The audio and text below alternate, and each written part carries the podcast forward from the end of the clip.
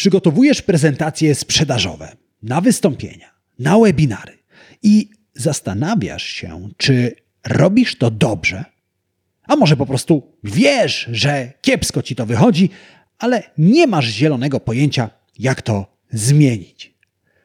Jesteś w dobrym miejscu, bo w tym odcinku podcastu opowiem Ci, jak zrobić dobrą, przekonującą i skuteczną prezentację. Taką, której ludzie oglądają z otwartymi ustami, a gdy kończysz, prawie płaczą, że już się skończyła. To jest podcast Marketing z głową.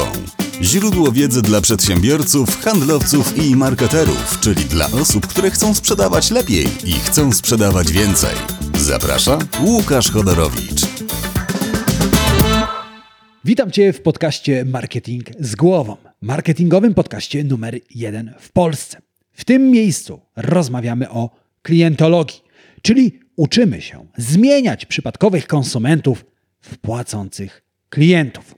A jeżeli chcesz dowiedzieć się na temat klientologii więcej, to zapisz się do newslettera Marketing z głową, a już w najbliższy poniedziałek otrzymasz skoncentrowaną porcję wiedzy na temat klientologii i w 3 minuty dowiesz się, jak zmieniać przypadkowych konsumentów w płacących klientów. Link do zapisu znajdziesz w opisie tego odcinka podcastu. Jest rok 2016. Jesteśmy w Kopenhadze. Komitet Olimpijski wybiera właśnie gospodarza kolejnej letniej olimpiady. To jeden z tych konkursów, w którym zwycięzca zgarnia wszystko. Organizacja olimpiady oznacza prestiż, ogromną liczbę turystów i impuls dla gospodarki. Te korzyści eksperci wyceniają na równowartość 10 miliardów dolarów. Jest więc o co walczyć. O tytuł organizatora walczą właśnie cztery miasta: Chicago, Madryt, Tokio i Rio de Janeiro. Tylko trzy miasta mają realne szanse na zwycięstwo. Amerykańskie Chicago ma poparcie samego Baracka Obamy. Tokio i Madryt zgarnęło najwięcej głosów w fazie przedfinałowej. Na końcu listy jest Rio de Janeiro, które stara się o tytuł organizatora już po raz trzeci. Wcześniej w roku 2004 i 2012 przegrało. Niestety i tym razem szanse brazylijskiego miasta wyglądają marnie.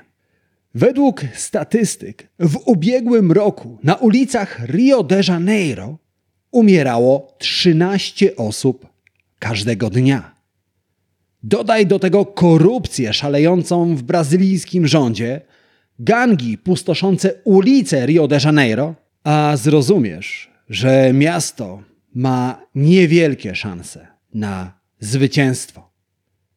Aby zostać organizatorem, Rio musi przekonać członków Komitetu Olimpijskiego, że jest absolutnie najlepszym miejscem na organizację letniej olimpiady. Każde z finałowych miast ma kilkanaście minut, aby przekonać członków komitetu. Każde z miast przygotowało w tym celu prezentację.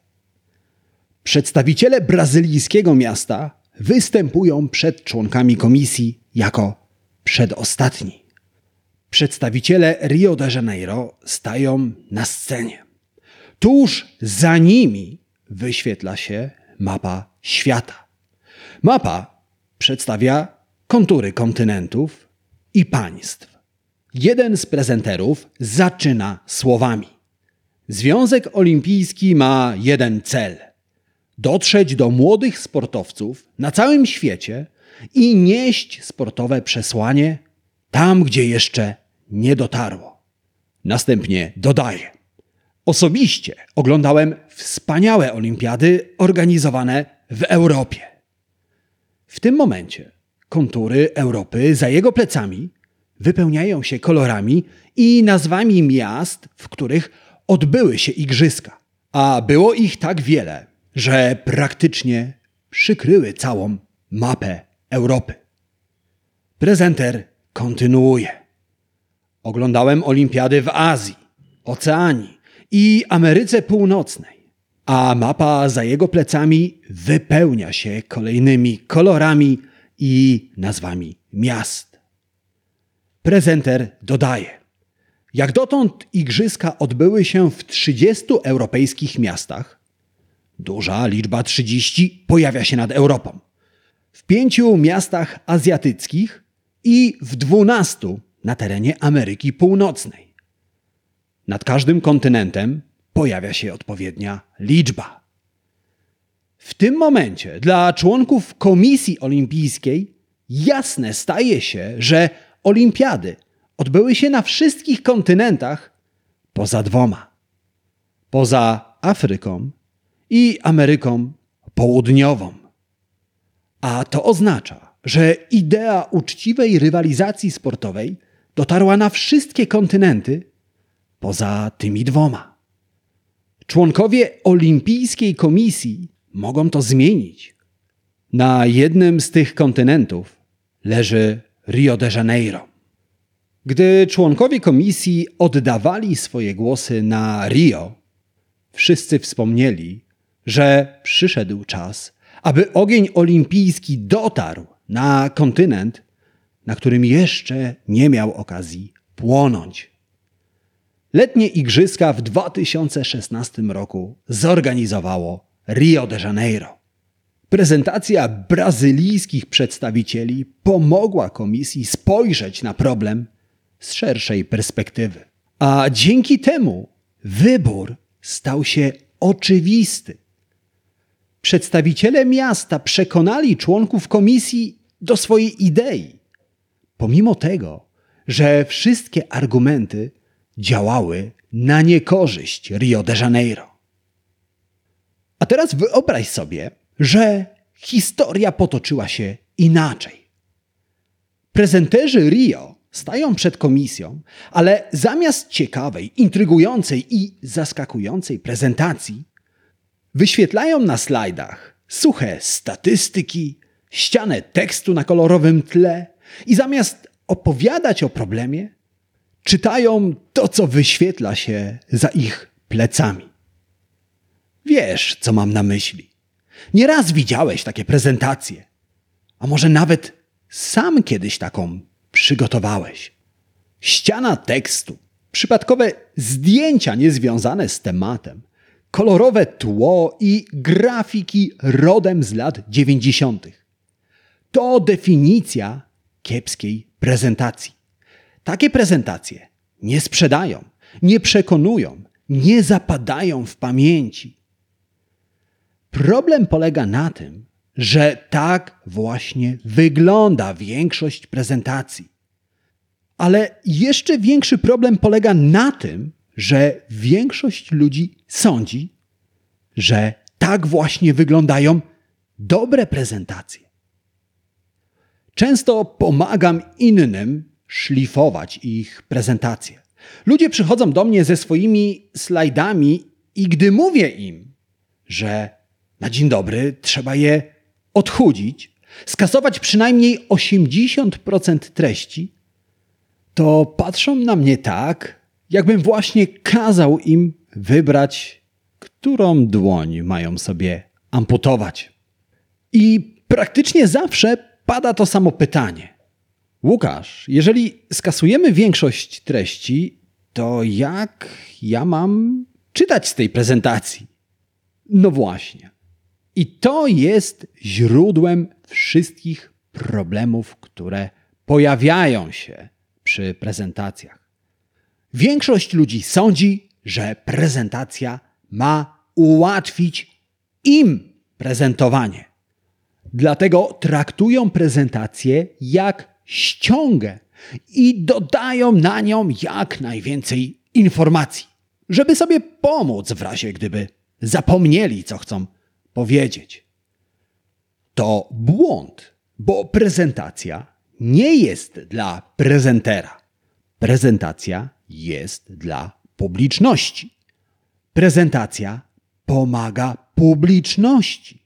Pomaga ludziom zrozumieć ideę, którą chcesz przekazać. Naturalnie, pomagając publiczności, pomagasz samemu sobie. Bo ludzie zmieniają zdanie, przekonują się, kupują, gdy rozumieją, co chcesz im przekazać. No właśnie, badań nie robiłem, ale na własnym doświadczeniu mogę Ci powiedzieć, że 80% prezentacji nie sprzedaje. Ludzie ich nie rozumieją, nie pamiętają, a często wcale ich nie oglądają. Twoja prezentacja konkuruje o uwagę widza z powiadomieniami na smartfonie, z listą zakupów, o której myśli widz, z problemami, którymi się boryka. Konkurencja jest zacięta.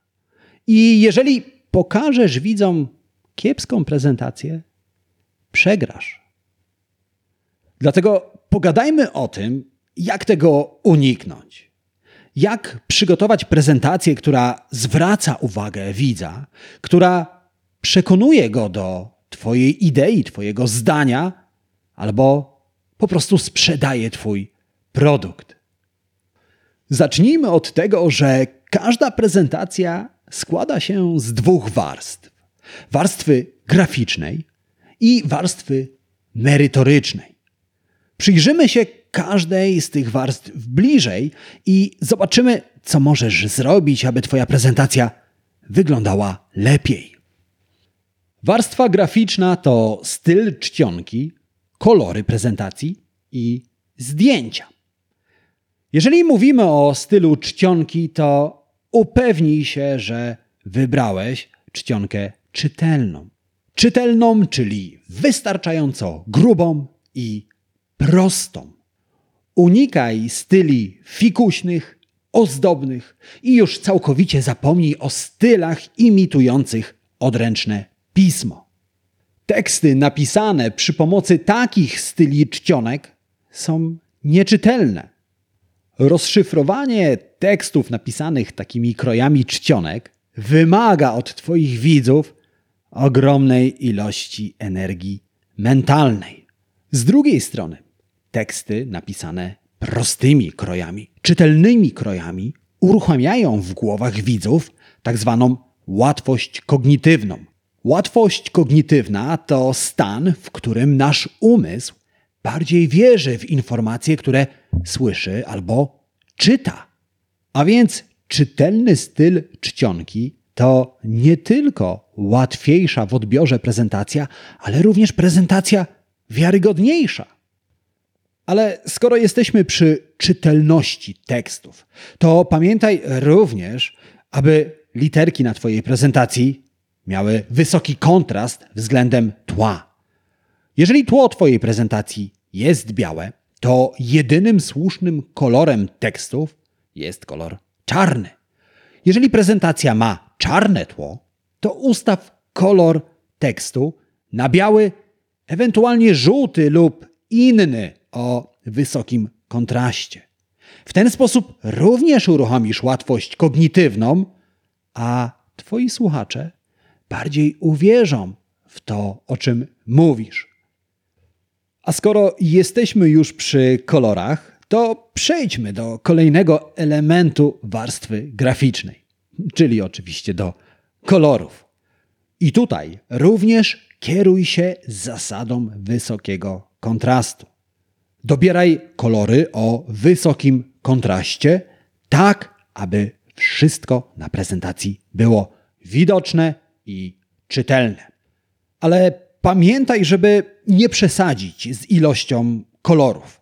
Wybierz najwyżej trzy barwy: kolor główny, kolor drugoplanowy i trzeci kolor do akcentów.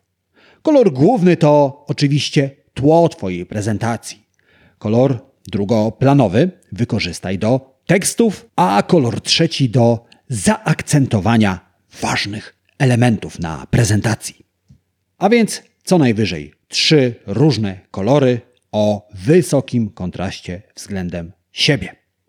No i ostatnim elementem warstwy graficznej są zdjęcia. Zdjęcia, z których tak chętnie i błędnie korzystamy w prezentacjach. Jeżeli mówimy o zdjęciach, to one są dopuszczalne w prezentacjach, ale tylko jeżeli spełniają jedną z trzech ról. Po pierwsze, wzmacniają Twój przekaz. Na przykład pomagają słuchaczowi wyobrazić sobie konkretną sytuację, przedmiot albo zapach. Na przykład, jeżeli chcesz, żeby ludzie wyobrazili sobie zapach świeżo pieczonego chleba w piekarni, to pokaż zdjęcie zarumienionego bochenka chleba. Takie zdjęcie wzmocni Twój przekaz i pomoże ludziom poczuć zapach świeżo pieczonego pieczywa. Ale jeżeli po prostu opowiadasz o chlebie, to nie ma sensu pokazywać zdjęcia chleba na slajdzie. Jestem przekonany, że Twoi widzowie chociaż raz w życiu chleb widzieli. Co więcej, niektórzy nawet go jedli. A więc ludzie nie mają problemów, żeby wyobrazić sobie chleb. W takiej sytuacji zdjęcie w żaden sposób nie wzmacnia Twojego przekazu, a to oznacza, że nie ma sensu go pokazywać. Ale pokaż zdjęcie, jeżeli ono podtrzymuje tezę, o której właśnie opowiadasz. Na przykład, jeżeli mówisz o problemie głodu na świecie, to pokaż wykres, z którego jasno wynika skala problemu. Co ciekawe, w kontekście głodu na świecie często pojawia się zdjęcie dłoni trzymających kromkę chleba. Choć zdjęcie na pierwszy rzut oka wydaje się całkiem w porządku, to w rzeczywistości nic nie wnosi do prezentacji i nie podtrzymuje tezy, że globalny problem głodu jest czymś, czym trzeba się natychmiast zająć. Okej, okay. i trzecią, ostatnią rolą zdjęć w prezentacji jest uproszczenie. Jeżeli opowiadasz o czymś, co może wydać się Twoim widzom skomplikowane, albo o czymś, czego po prostu nie da się wytłumaczyć bez zdjęcia, dodaj je do prezentacji. Ono uprości i pomoże zrozumieć widzom Twój przekaz. Załóżmy, że sprzedajesz strony internetowe i chcesz wytłumaczyć potencjalnemu klientowi, dlaczego za Twoją pracę musi zapłacić 5000 zł, a nie 500 zł. Klient sądzi, że Twoja praca sprowadza się do wyboru zdjęć, umieszczenia ich na stronie internetowej, przygotowania nawigacji i to w zasadzie wszystko. Natomiast Ty doskonale wiesz, że przygotowanie strony internetowej to skomplikowana i trudna praca. Jak jednak wytłumaczyć cały techniczny proces komuś, kto nie ma na ten temat zielonego pojęcia. Zanim wytłumaczysz klientowi wszystkie technikalia, ten zaśnie. Dlatego zamiast tego po prostu pokaż na slajdzie zdjęcie góry lodowej i wytłumacz, że to, co klient widzi, to zaledwie wierzchołek Twojej pracy. Cała ciężka i trudna praca ukryta jest pod powierzchnią wody.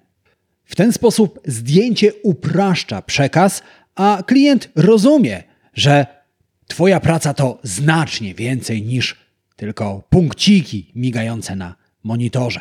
A skoro jesteśmy przy zdjęciach, to pamiętaj o jeszcze jednej ważnej rzeczy. Twoi widzowie zapamiętają treść Twojej prezentacji o 65% lepiej, jeżeli pokażesz im zdjęcie. Ale tylko pod jednym warunkiem. Zdjęcie musi być spójne z tym, co mówisz. Jeżeli korzystasz ze zdjęć jak z ozdobników do swojej prezentacji, to jedynie sobie szkodzisz. Dlatego, jeżeli opowiadasz o kotach, to nie pokazuj zdjęcia kłębka wełny, bo tak ci się akurat kojarzy. I to jeżeli chodzi o warstwę graficzną prezentacji. Porozmawiajmy teraz o warstwie przekazu. Tu mam dla Ciebie kilka podpowiedzi. Przede wszystkim umieszczaj maksymalnie jedną myśl na slajdzie. Przypomnij sobie, bo na pewno choć raz byłeś w takiej sytuacji, w której dwie osoby jednocześnie coś do ciebie mówią.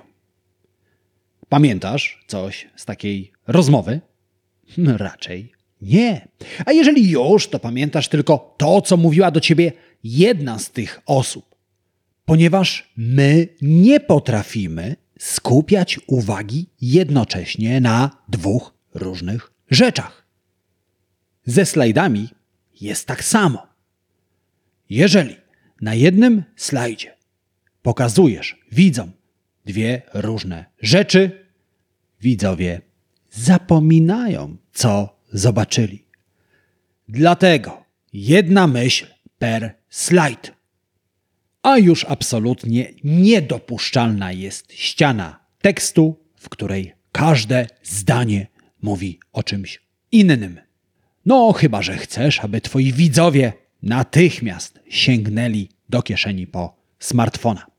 I być może teraz pomyślisz sobie, no dobra, Łukasz, ale jeżeli mam umieszczać jedną myśl na jednym slajdzie, to wkrótce moja prezentacja będzie miała ze 120 slajdów.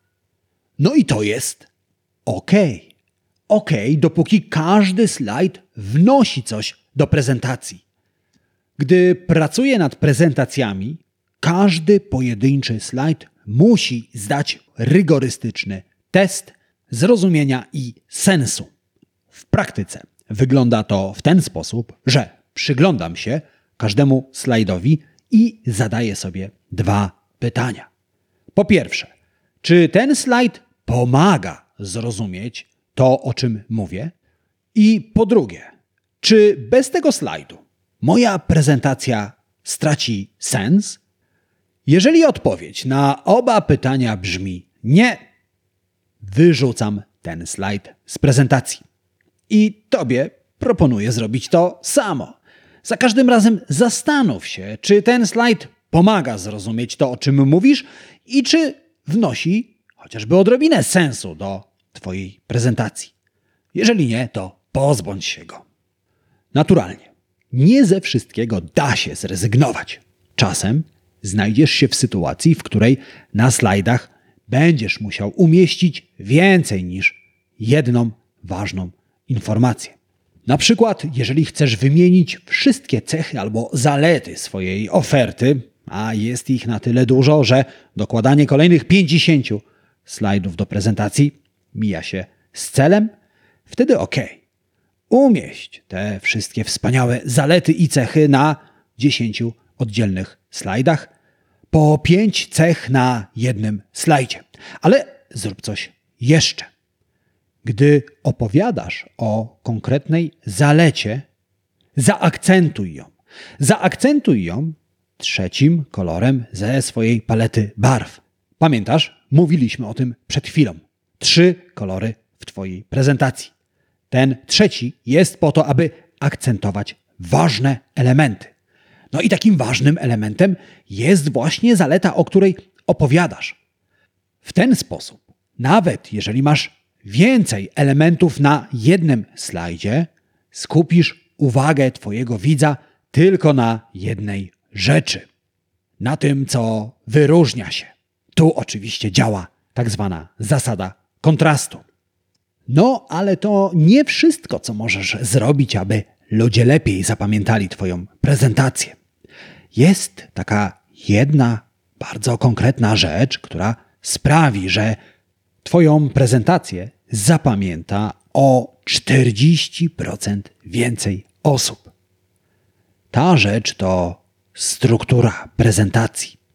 Struktura, czyli pewien chronologiczny porządek, według którego układasz treść swojej prezentacji i same slajdy. Struktur w prezentacjach mamy kilka. Taką najprostszą strukturą jest co, co z tego i co teraz. W tej strukturze na samym początku mówisz o pewnym problemie, idei albo o Twoim produkcie. Następnie mówisz o tym, co wynika z tego, o czym przed chwilą powiedziałeś, dla Twoich widzów. Czyli co z tego. I na samym końcu opowiadasz, co teraz trzeba z tym zrobić. Czyli co teraz. A więc to jest taka najprostsza, chronologiczna struktura prezentacji, która poprawi jej zapamiętywalność o 40%.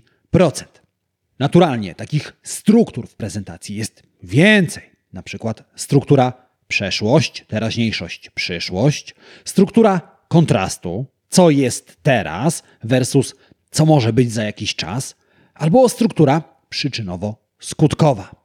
Jeżeli temat brzmi dla Ciebie interesująco i chcesz poznać więcej struktur skutecznych, przekonujących prezentacji, to napisz do mnie. Wyślij maila o treści struktura na adres cześć małpa łukaszchodorowicz.pl. No dobra, i ostatnia rzecz, która dotyczy warstwy przekazu. Pamiętaj, żeby w swojej całej prezentacji umieścić maksymalnie trzy główne myśli, które chcesz, aby widzowie, słuchacze zapamiętali. Tych myśli może być mniej, może być jedna, mogą być dwie, ale nigdy więcej niż trzy. To wynika z konstrukcji naszej pamięci krótkotrwałej, która jednocześnie może przechować maksymalnie siedem elementów. Oczywiście nigdy nie wiemy, co Twoi widzowie mają już w swojej pamięci krótkotrwałej. Nie ma sensu więc ryzykować, dlatego celuj w maksymalnie trzy główne myśli z całej prezentacji. Tak, masz rację. To właśnie z tego powodu w podcaście Marketing z głową na końcu zawsze znajdziesz tylko trzy główne myśli z całego odcinka. Nie więcej. A teraz zbliżamy się do tego momentu, w którym zdradzę Ci właśnie trzy najważniejsze lekcje z dzisiejszego odcinka podcastu. Ale zanim to zrobię, mam dwie szybkie prośby. Ta pierwsza jest taka. Jeżeli znasz kogoś, kto również przygotowuje prezentację i sądzisz, że ten odcinek może mu się przydać, udostępnij go dalej. Możesz to zrobić w mailu, na Messengerze, w WhatsAppie, na Facebooku. Jakikolwiek sposób będzie świetny.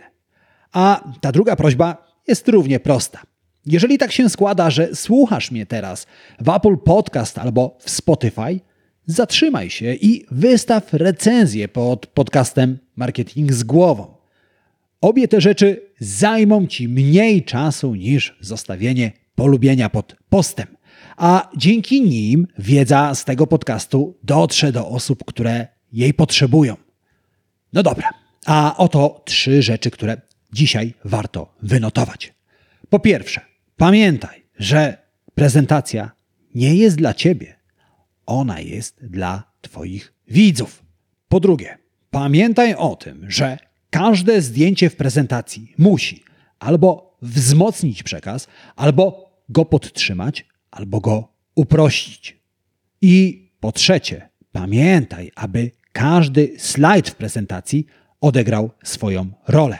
Zastanów się, czy ten slajd pomaga zrozumieć to, o czym mówisz, czy nadaje sens temu, co mówisz. Jeżeli nie, to pozbądź się tego slajdu. Jeżeli to zapamiętasz i zastosujesz się do moich rad, to gwarantuję ci, że Twoje prezentacje od razu staną się lepsze, bardziej przekonujące i skuteczniejsze. I tego gorąco Ci życzę. Życzę Ci również udanego dnia, udanego tygodnia i przypominam, że my słyszymy się w kolejnym odcinku podcastu Marketing z głową. Marketingowego podcastu numer jeden w Polsce. Do usłyszenia, do zobaczenia. Cześć!